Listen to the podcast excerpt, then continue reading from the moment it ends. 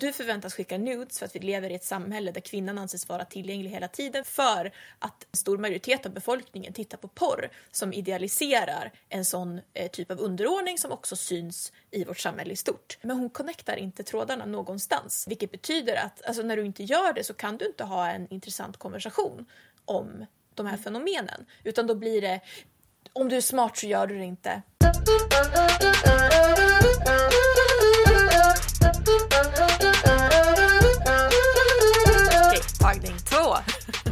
Eh, hej och välkomna ska ni vara till det 40, 41 avsnittet av Jesus Feministpodden.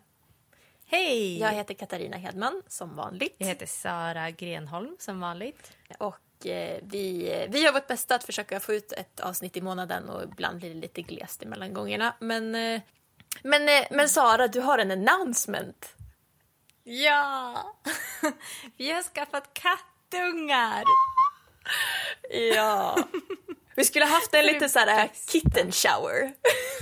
Ja, nej men verkligen. Och ett gender reveal.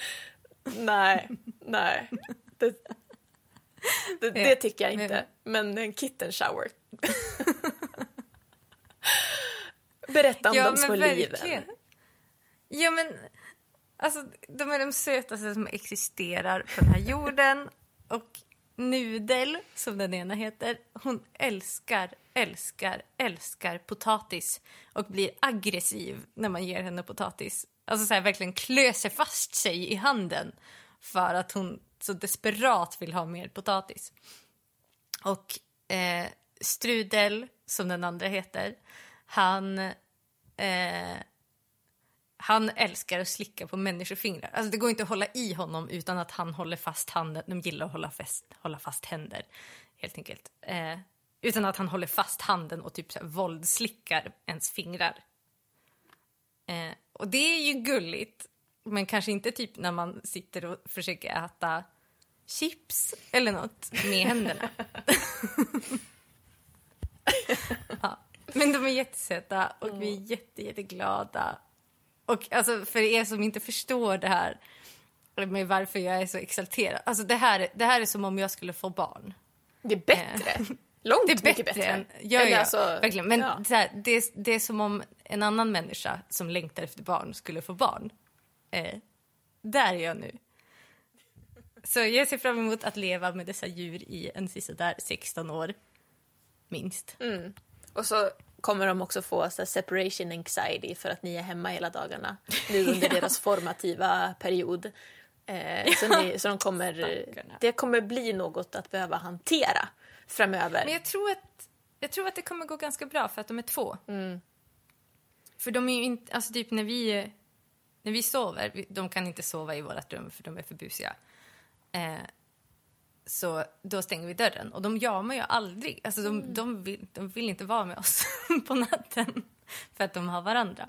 Så det är väldigt skönt faktiskt. Jag tror att det hade varit värre om man hade skaffat en ensam kattunge. Som bara hade oss och som hade oss 24 timmar om dygnet. Mm. Ja, men det händer i mitt liv. Eh, och vad händer i ditt liv? Har du skaffat några djur? Nej, nej, nej, det har jag inte. Men alltså min stora sorg i livet är ju att jag är allergisk mot katt.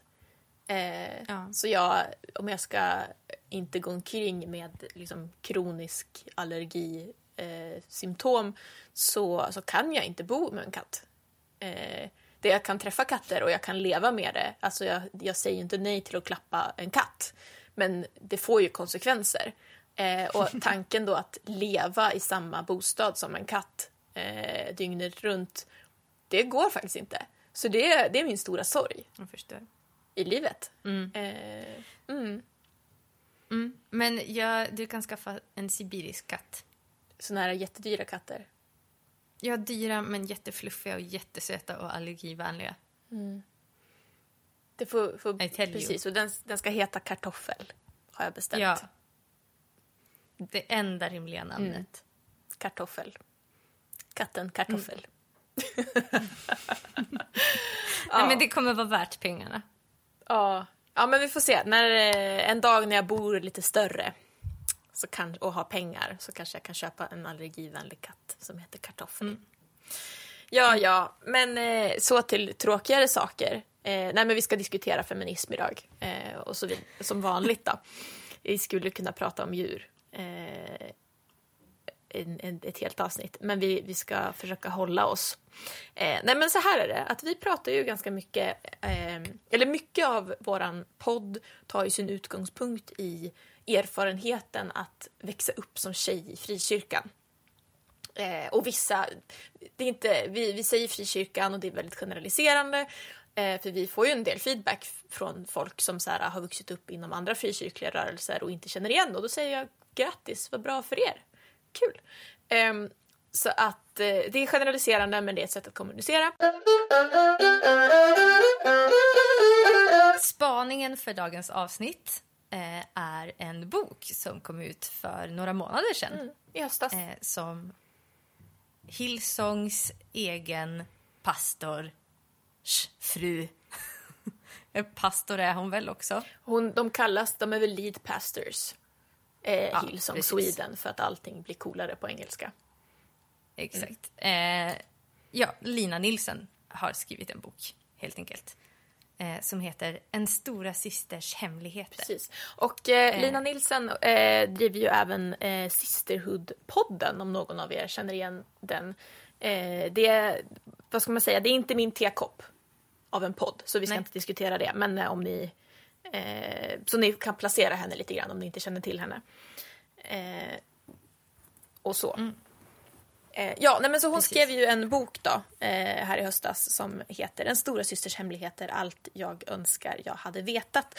Eh, och det här avsnittet ska väl egentligen inte fokuseras helt och hållet på den här boken men det är en bra utgångspunkt eh, för det här ämnet. För att det här är ju en bok som riktar sig till, till, till unga tjejer, alltså tidigt tonår och innan tonåren. Eh, Katarina från framtiden här. Eh, alltså tydligen nu efter lite research så är boken riktad mot tonåringar. Eh, jag måste säga att det framgår inte utan jag trodde genuint när jag läste att det var för typ så här, ja men typ 10, 11, 12, eh, kanske 13. Eh, men det var mitt fel. Eller mitt misstag. med intentionen eller liksom syftet att vara vara den här stora systern som hon själv då, Lina, önskat att hon haft.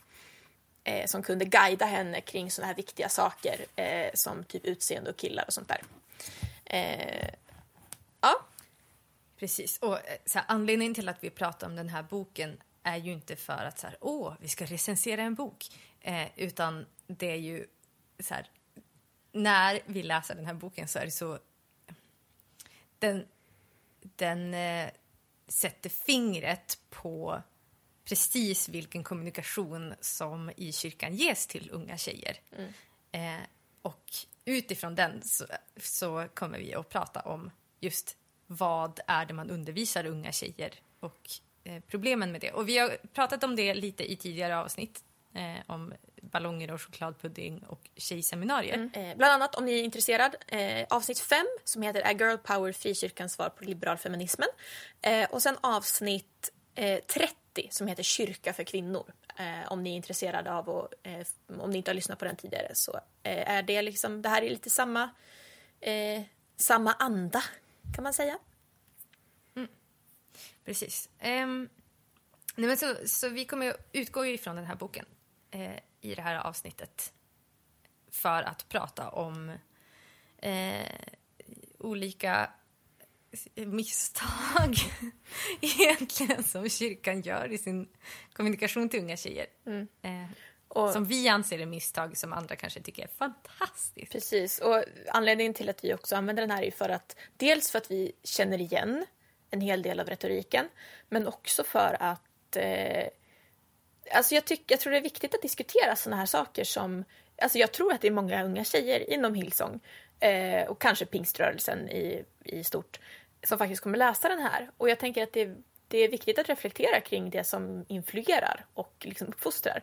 Eh, för det är ju så att, att so- den socialisering som vi eh, f- får, gör, ja, i kyrkan som, som skapar de personerna vi blir. Alltså oftast så, och när vi diskuterar socialisering så pratar vi oftast om genussocialisering, att jag socialiseras till kvinna.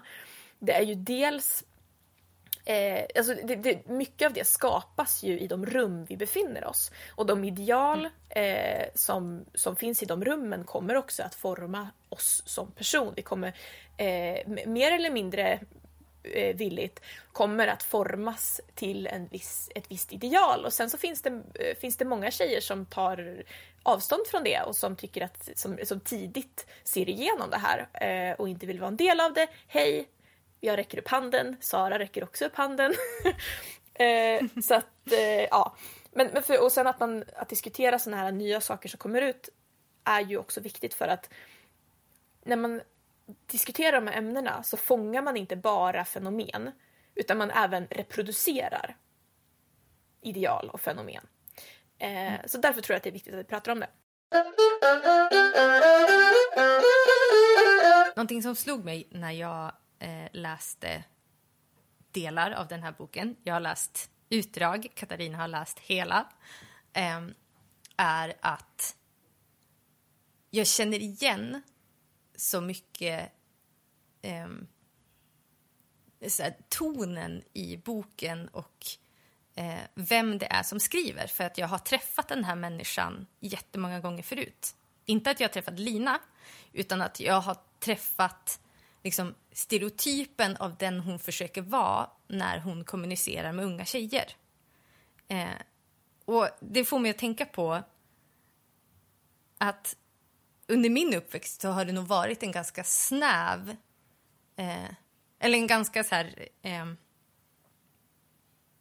en viss typ av kvinna som har fått mandatet att kommunicera med unga tjejer och liksom skapa ideal för unga tjejer i kyrkan. Det har varit en viss typ av kvinna som... Eh, ja, men som eh, får komma på tjejseminarier och får prata på... Eh, ja, alltså de, de gånger man inom kyrkan pratar just till bara unga tjejer så har det varit en viss typ av kvinna med viss, en viss typ av ideal. Och det här kommer bli förhoppningsvis tydligare eh, under den här poddens gång. Eh, och jag tror att ni kommer känna igen det här. För att jag tror att de flesta av oss har nog träffat eh, precis den här kvinnan som Lina försöker vara i den här boken. Eller hon kanske är sån. Jag har ju aldrig träffat Lina.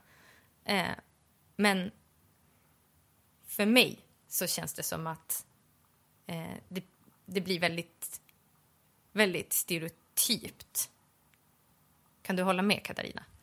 Oh ja. Sen ser de också ungefär likadana ut.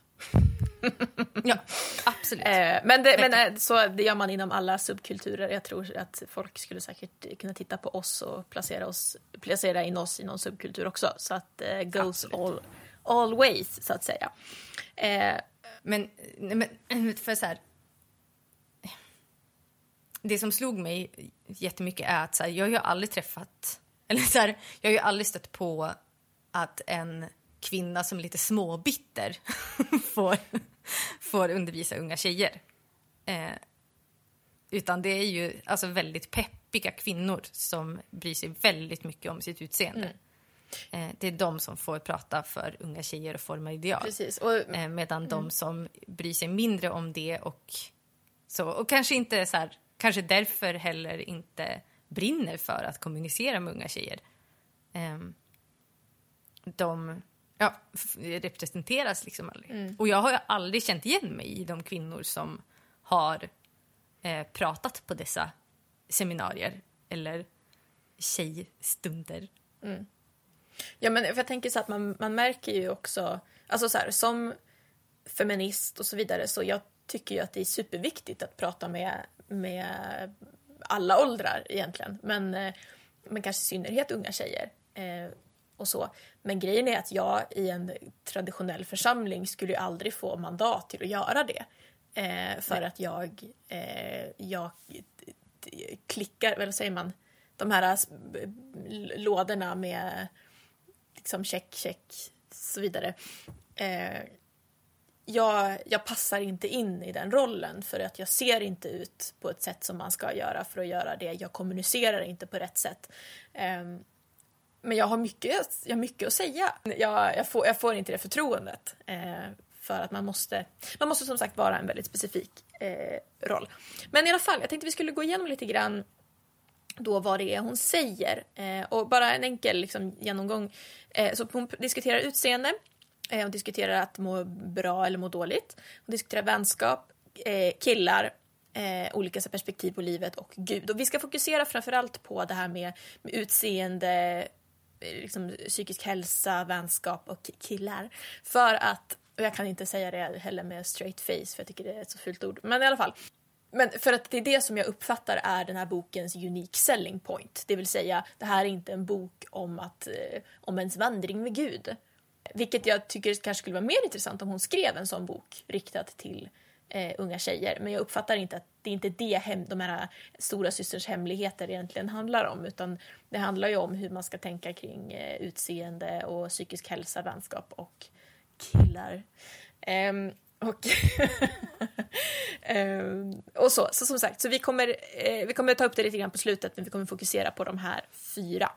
Så en av de här grejerna då som eh, som är väldigt viktigt att prata om. Ja, men nu, så vi, vi, kan låta lite raljant när vi diskuterar sånt här. Vi ber om ursäkt eh, i de flesta fall. Nej, men så här, men det, är liksom, det hon kommunicerar här då kring, kring utseende är att eh, ja, ibland så känner man sig inte så fin och man känner sig blek och trött eh, och vill inte prata med folk. Eh, och ibland kanske man får någon, någon kommentar, att någon säger att du har ful, ful näsa eller tjock mage eller vad det nu kan vara. Och sen stannar det resten av livet. Och jag tänker att det hon gör här är ju att hon, hon identifierar ju saker som är sann, så att säga. Det här händer och det får konsekvenser. Eh, och ibland kan en, en liten kommentar få enorma konsekvenser. Och, och så. så det är inte det som är problemet. Problemet är att hennes lösning, eller det liksom hon ger då som lösningen på, på, på problemet, är ju att komma ihåg att Gud har skapat dig vacker. Mm. Precis. Och just det att hon... Eh, att lösningen på problemet är att Gud säger att du är vacker. Ja, men de säger att du inte är det.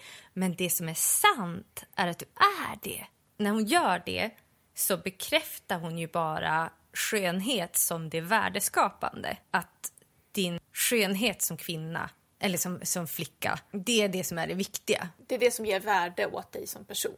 Exakt. Och så kan du känna dig ful, men du är vacker. Och för att du är vacker så är du värdefull. Hon säger ju inte exakt så, men det är det som kommuniceras. Precis. Och det det gör är ju att istället för att diskutera men varför är världen som den är? Varför eh, och vad kan vi göra? Hur kan vi liksom eh, fungera i ett system som är så genuint eh, korrupt? Nej, men som är så går så emot liksom Guds tanke med oss som skapelse för att vi, vi är Guds skapelse och vi är bra. Eller vi är väldigt bra till och med. Eh, och Gud är väldigt nöjd med oss och allt är liksom frid och fröjd. Och hon lyckas inte lyfta blicken från det system som vi lever i. Där man då attackerar tanken på att Guds skapelse är god och bra. Och det är jättesvårt för att vi lever så immersed i, det här, i ett samhälle där vi får totalt ouppnåeliga utseendeideal liksom, riktat mot oss hela tiden. Både män och kvinnor, men det är värst för kvinnor för att vi är också underordnade som grupp i samhället. Och vi har mer att förlora på att inte, vara, eh, inte uppfylla de här idealen. Så vi, jag och Sara diskuterade lite grann tidigare att men hur skulle det se ut om vi skrev en bok till den här åldersgruppen inom kyrkan? Eh, då skulle ju vi diskutera, men så här, stanna upp och reflektera just kring eh, som Sara sa, just den här idén som, som är så självklar i världen, självklar även i Linas bok, att skönhet är mm. något som skapar värde Exakt. hos en människa. Eh, att varför, varför antar vi det? Att som, och som radikal feminist så, så tror inte jag på personlig empowerment utan att vi måste eh, omforma kulturen. För det hon också gör liksom konsekvent genom hela boken är att det är det här som vi också diskuterat tidigare, att hon eh, att hon har ett så individfokus på alla, alla de här sakerna och reflekterar inte över att vi lever i en, en värld där vi påverkas och formas. Eh, utan det är hela tiden den enskilda personen som ska ta ansvar för sina egna känslor. För, och det är ett koncept som, jo men jag håller med till en viss grad. Vi kan inte skylla allt liksom, på eh, omständigheter hela tiden. Men det måste, det måste finnas en balans. Verkligen. Och mellan dem. Det, alltså, hennes lösning på det här Och- är ju ja. typ bara, men vi behöver ge oss själva komplimanger. Eh, för det, alltså då, om vi bara ger oss själva komplimanger så kommer vi börja tänka så om oss själva. Och det är sanningen om oss själva. Ja, men, Precis. Precis. Hon har också en, en lista här. Jag tror inte jag skickade den till dig, Sara. Eh, där det är en sån här typiskt att man ska sätta sig ner och skriva lite själv. Eh, sen en annan grej också att den här boken är för understruken. Alltså, och vilket är jätteirriterande för att jag har ju också strukit under grejer och skrivit kommentarer och nu ser ju inte jag det för att det, ja, det är redan klottrat. Men då står det så här. Kroppsdel jag tycker om hos mig själv. Och så ska man skriva vilken Men- kroppsdel man gillar. okej. Och sen egenskap jag tycker om hos mig själv. Fack jag hamnat i som jag vill ur. Jag är bra på. Jag blir glad av. Jag lyssnar gärna på. Bla bla bla. Men det är så här att den första är kroppsdel jag tycker om hos mig själv. Ja men vad bra. Lösningen på alla dina Fin. komplex är att men jag Ja. har ju i alla fall Men- fint hår. Eller fina öron. Eller fin hud. Eller fin... Ja men det, att det är så här. Ja, men verkligen. Det här är så alltså, för toxic. resten av listan som du tog upp nu, den tycker jag är bra. Alltså, jätteviktigt att tänka över så här, men vad har jag hamnat i för fack som jag inte vill vara i. Jättebra. Men så här, att överhuvudtaget tänka på sin kropp på det sättet. För att, för att eh, någonting som hon tar upp flera gånger i det här kapitlet är ju eh, att hon citerar psalm 139, eh, en psalm av David. Där David skriver att eh, Gud har skapat honom övermåttan underbar. Och det, alltså, sammanhanget i resten av salmen är inte att han beskriver sina fantastiska kindben och sin underbara, underbart formade näsa och perfekt skulpterade axlar. Alltså för David beskrivs ju som snygg. Ja, precis. En, en vacker ung man beskrivs han som. Men att så här, det här är ju inte ett... Alltså, det är ju inte ett hyllningstal till ens utseende. Och, och att så här, när han tackar Gud för att han är, för att han är skapad övermåttan underbar eh, så handlar inte det om att han är snygg. Utan det han går in på är ju så här att du skapade organen in i min kropp, du vävde samman mig i min mors livmoder. Alltså, han pratar ju om, om så här, människokroppen som något underbart. Så här, wow, vilken kropp vi har. Eh, och inte, inte för att den är snygg, utan för att den är fantastisk och funkar. Alltså, det är så mycket som är helt otroligt med människokroppen. Och det är det han skriver om här. Medan hon säger typ, ah, men Gud säger att du är skapad övermåttan underbar. Förlåt, nu ska jag inte göra till resten. Så, men hon är stockholmare. Nej, hon är göteborgare. Okej, förlåt, men hon bor i Stockholm. Mm. Så jag kan inte låta, låta bli. Men jag ska försöka sluta. Men hon använder det här liksom för att trycka på att Gud tycker att du är vacker. Men jag tror att Gud är så otroligt ointresserad av våra skönhetsideal.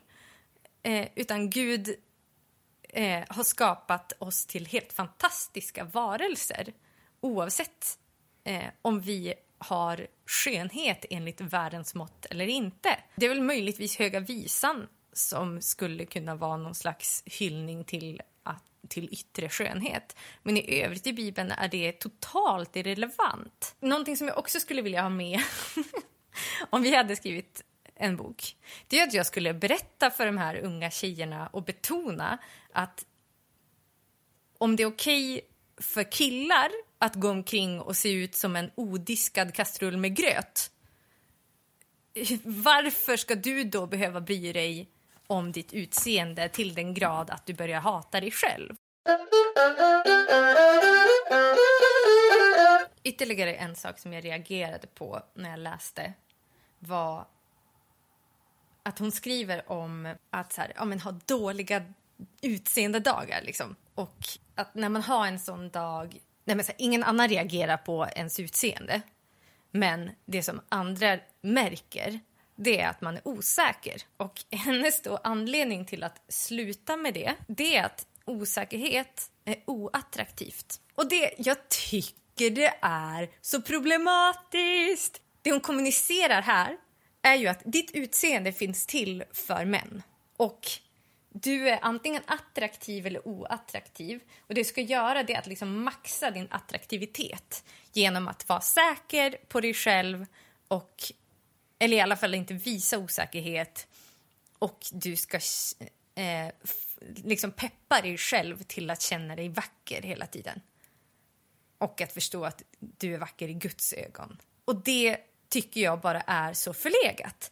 Och sen också att jag tror verkligen att de flesta stod, storstadstjejer i den här åldern har kommit i kontakt med feminism på ett eller annat sätt och är ganska mycket mer eh, reflekterade än så här. Och jag tror att jättemånga av de här unga tjejerna som läser den här boken eh, skulle nog reagera precis som jag faktiskt. För att unga tjejer som växer upp nu är väldigt woke eh, och reflekterar över såna här saker. Och därför så, jag, jag vet inte om, om den här boken kanske är utterad redan efter någon månad eller redan när den skrevs. Mm. För att dagens unga tjejer är mycket mer reflekterade än vad Lina utgår ifrån att de är. Precis. Ja, men sen en annan sak också apropå eh, liksom att den, den, det är en väldigt smal målgrupp kan man tycka och jag undrar om det finns en målgrupp överhuvudtaget, kanske några eh, inom Hillsong, är ju att eh, många av dem, hon tar ju upp så exempel på ja, men, fiktiva tjejer som går igenom saker, jag antar att de är fiktiva. Och det är intressant hur central shopping och kläder är. Att det är, liksom, ja, men det är det tjejer gör på sin fritid. Eh, och det är så här, nej men det är inte alla som tycker att det är kul. Eh, men framför allt så är det inte alla som eh, kan att det är en sån grej som också genomsyrar hela den här boken att det är så medelklass. Alltså det är, mm. alltså så att jag, jag var inte särskilt intresserad av shopping, eller jag är inte intresserad av shopping nu heller. Um, jag tycker egentligen det är jättejobbigt men jag, jag bryr mig om kläder. Alltså jag, tycker, jag stickar och försöker sy och sådär. Det är inte så att jag inte bryr mig om hur jag ser ut men men jag har aldrig lärt mig att shopping skulle kunna vara en fritidsaktivitet för jag har aldrig haft pengar till att göra det. Och eftersom att jag inte hade det när jag var liten så är det inte ett, ett beteende som jag har etablerat eller fått med mig heller som vuxen. Ja, men är du väldigt medelklass och, eh, och kan shoppa eh, när du är liten så och ja, men då så kanske... pass nära en mm. stad mm. att du har möjlighet att shoppa. Vilket Precis. jättemånga unga tjejer i Sverige inte gör. Exakt. Och det blir också så, det blir så fel, även om det inte är shoppingen som är central i det hon försöker kommunicera, så blir det att alla de här små exemplen som hon tar upp gör att det blir så otillgängligt. Och som sagt så blir det liksom, nej men så här, en, en eh, arbetarklassperson. Nu, alltså jag tycker inte om den definitionen för att det är, det är en förlegad definition, men i alla fall de som inte är medelklass, som har, eh, inte har samma ekonomiska förutsättningar, de känner inte igen sig i det här. Nej men verkligen. Och, och jag funderar på, typ, men nu, nu bor jag i ett område i Uppsala som heter Gottsunda som har, eh, ja men som är liksom Rinkeby eller eh, vad den heter, Bagaregården. Eller så, om man känner till såna platser. Typ förort som ändå tillhör stan, eh, där de allra flesta inte är medelklass. Och så här, jag funderar på, men vilken tjej i den här stadsdelen skulle jag kunna rekommendera den här boken till? Typ ingen. För att det är så här, det finns inte på kartan för de flesta tjejer här att man skulle shoppa på sin fritid. Om man inte möjligtvis gör det second hand. Men också i en kultur där det, alltså att det är typ skämmigt att shoppa på second hand för att det faktiskt på riktigt visar att man inte har råd att gå på eh, de andra butikerna. Och sen också den tjejtypen som idealiseras här är en tjej som hatar skolan. Alltså, åh, en novem- skoldag i november är som en giljotin, skriver hon uttryckligen. Vilket är en makaber liknelse. Men så här, det finns liksom tusentals tjejer i det här landet där skolan är en tillflykt för att man har det mycket jobbigare hemma. Och det blir helt, alltså det går inte för, för dem att relatera till den här tjejen. Och jag skulle inte kunna relatera till den här tjejen när jag växte upp. För jag hatade att shoppa. Jag tyckte inte om, eller så här, de här typiskt storstadstjejiga sakerna. Det fanns liksom inte på kartan för mig för att jag bodde i, på landsbygden i Västerbotten och så här, mina föräldrar var studenter. Alltså, Ja, men och sen är det också så att vi ska inte, poängen är inte att vi ska liksom hänga upp oss i att det är inte, rep, eller så här, det är inte representativt. Men grejen är att det, de här exemplen fångar den verklighet som jag tror att Lina lever i. Eh, och det är inte en kritik mot henne, utan det är, det, är liksom, det är inte personligt, utan det är en kritik mot det sammanhang som hon representerar. En stor, det är liksom en del av den, jag ska säga, pingstkarismatiska medelklasskyrkan ens ideal och den verklighet man lever i, den uttrycks ju i det språket man använder och vilka exempel man gör. Och, och jag tror inte att det är någonting som de reflekterar över överhuvudtaget. Det blir så tydligt att det här är, jag tror inte att Lina ska prata om de här ämnena överhuvudtaget för att hon, för hon är inte reflekterad kring det här.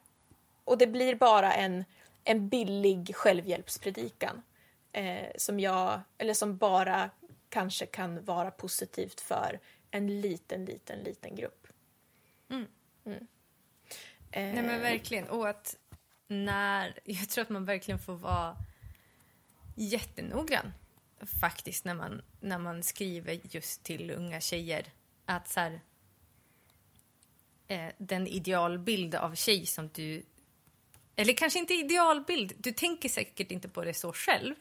Men den, eh, den tjejen som kommer fram, som du skriver till eh, det kommer också visa vad som är avvikande i din värld. Eh, att så här, ja, men har du inte råd att shoppa så är det avvikande. Eh, är du trygg med ditt utseende så är det avvikande. Men eh, ska vi gå vidare? Eh, jag ska säga, hon har ju ett kapitel om vänskap. Eh, och det kapitlet skulle jag väl säga är ja, men, anpassat till målgruppen och inte dåligt. Alltså så här att ja, men, eh, det handlar ju om, så här, om systerskap och att eh, peppa varandra och liksom vara en god vän och sådär. Och ja, men där har jag inga problem. Det är jättefint. Förutom att hon skriver vi tjejer är systrar, inte ärkefiender, så låt oss behandla varandra som systrar. Att din vän är snygg gör inte dig mindre snygg. Återigen, utseende. Kan vi sluta prata utseende så mycket? Alltså det, Ja. det gör mig så, så frustrerad. Men och att prata utseende på det sättet, alltså att prata om konkurrens, snygghetskonkurrens mellan tjejer utan att eh, problematisera varför ska, vi, alltså varför ska vi se varandra som konkurrenter? Och vem har gjort oss till det? Har, är det ett Precis. val eller är det en överlevnadsstrategi i ett patriarkat? Precis. Vilket då för oss över på kapitel 4, prinsar och grodor. Men en sak som jag reagerade på när jag läste just den här, för hon skriver ju typ om så här, ja men vänta med sex och gör inte saker, eller känn, bli inte pressad till grejer och bla bla bla bla bla och, eh, och alltså det som är så svårt är att jag håller ju med om mycket av, alltså så här, eller så här, jag håller med mycket av slutsatserna kring så här, purity-kulturen. Eh, jag tror det är bra att vänta. Eh, så här, för att, och, och även som radikal feminist så skulle jag säga att eh, håll dig borta från män. Men det, då kommer det gå dig väl i livet. Eh, så att jag, många slutsatser håller jag ju med om. Men grejen är att, att retoriken som ofta finns i purity-kulturer som jag eh, känner en, en aning av i det här är väldigt skammande. Eh, och man använder skam som ett verktyg för att uppnå eh, ett ideal. Och som sagt, jag har kanske inte problem med, med med målet för jag tror att det, det finns bra, eh, det finns något gott i det. Men jag håller verkligen inte med om sättet vi tar oss dit. Och en av de grejerna som hon skriver, men får diskutera lite det här med typ, alltså så här, skicka nudes och sånt där. Och då skriver hon eh, bi, bi, bi, bi, bi, bi. Jo, hon, hon skriver så här. Det är lite tips. Skicka aldrig bilder på dig själv i underkläder eller mindre. Någonsin, understryk tre gånger. Kanske läser du det här med förskräckelse och tänker att det skulle du aldrig göra. Vem skulle göra något så dumt? Det är bra. Det betyder att du använder den hjärna som Gud har gett dig. Men för de som inte använder alla sina hjärnceller måste det ändå skrivas. Och så vidare. Jag tycker att det här, det här är så klantigt skrivet och jag hoppas att hon inte menar det här. Utan jag hoppas att det här är ett misstag, men vem vet. Jag tycker att det är så sjukt att lägga upp det på ett sånt sätt att men är du smart så skickar du inte nudes. Men är du dum i huvudet, då skickar du nudes. För att de tjejer som skickar nudes gör det inte för att de inte är intelligent. Eller det har ingenting med din intelligens att göra. För jag tycker att, att just nudeskulturen är ett perfekt tillfälle att diskutera patriarkatet. Och diskutera dem, att, alltså att, att kvinnor förväntas vara sexuellt tillgänglig för män hela tiden. Att kvinnans kropp är inte hennes utan hela tiden men finns till för att plisa den manliga blicken, finns till för, eh, för reproduktionen och kvinnans kropp får aldrig existera för sig själv. Men att då reducera en intressant diskussion om sexuell tillgänglighet till att är du, är du smart så gör du inte det. Ja, men, och alltså det hon säger ännu mer är ju du är dum i huvudet om du någonsin har gjort det. Mm. Och det är ju bara, alltså det här är ju skammande. Mm. Något så vansinnigt. Mm.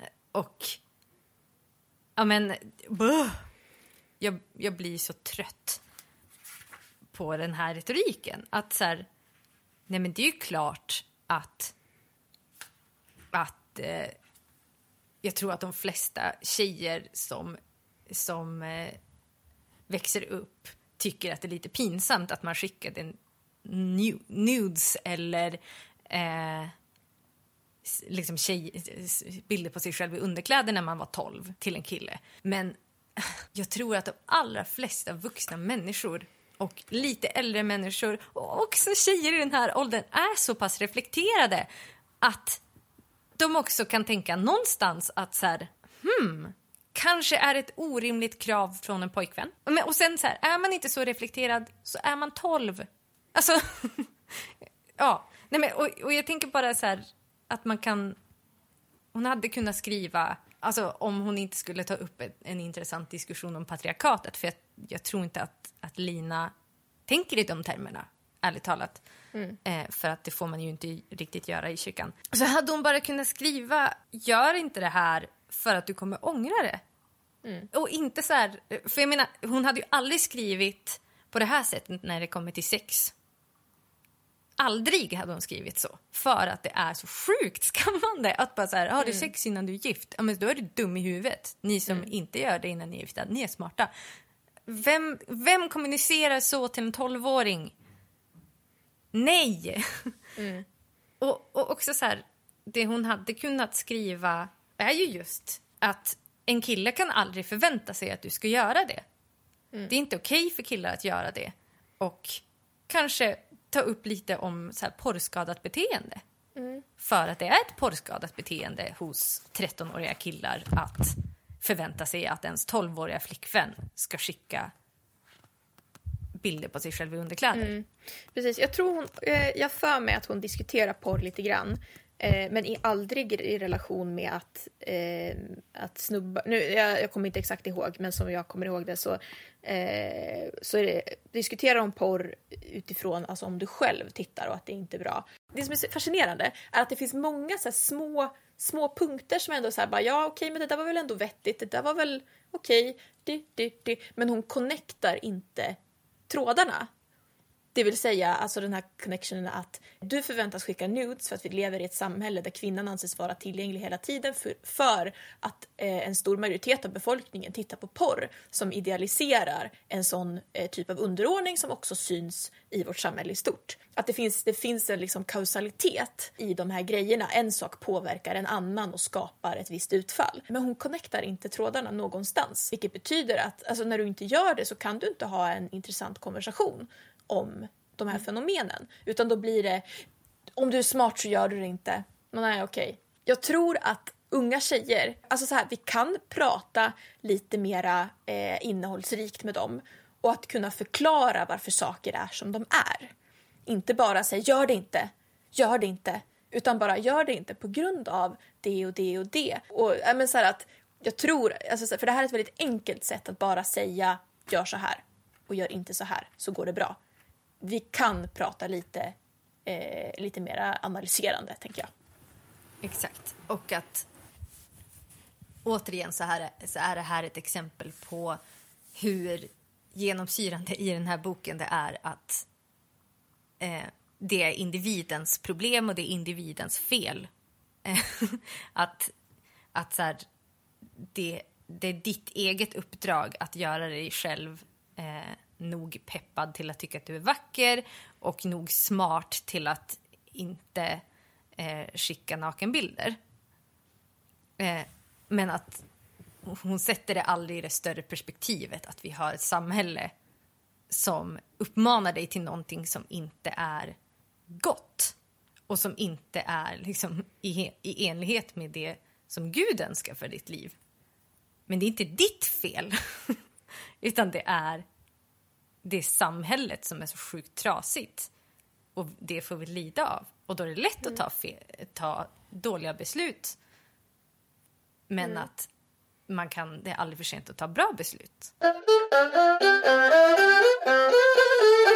Något jag undrar över är, tar hon någonsin upp klimatet? Nej, nej, nej, nej, nej, nej, nej, nej. Varför skulle hon göra det? Men jag tycker det bara är intressant. Alltså, det finns ju jättemycket forskning som säger att, att uh, unga idag, eller så här, det, det, är den, det är det, det största orosmomentet mm. för de flesta unga idag. Mm. Eh, och att de flesta, att jätte, jättemånga unga har klimatångest från en väldigt tidig ålder. Eh, och det finns också forskning från USA visserligen, men jag tror att det stämmer jättebra i Sverige också.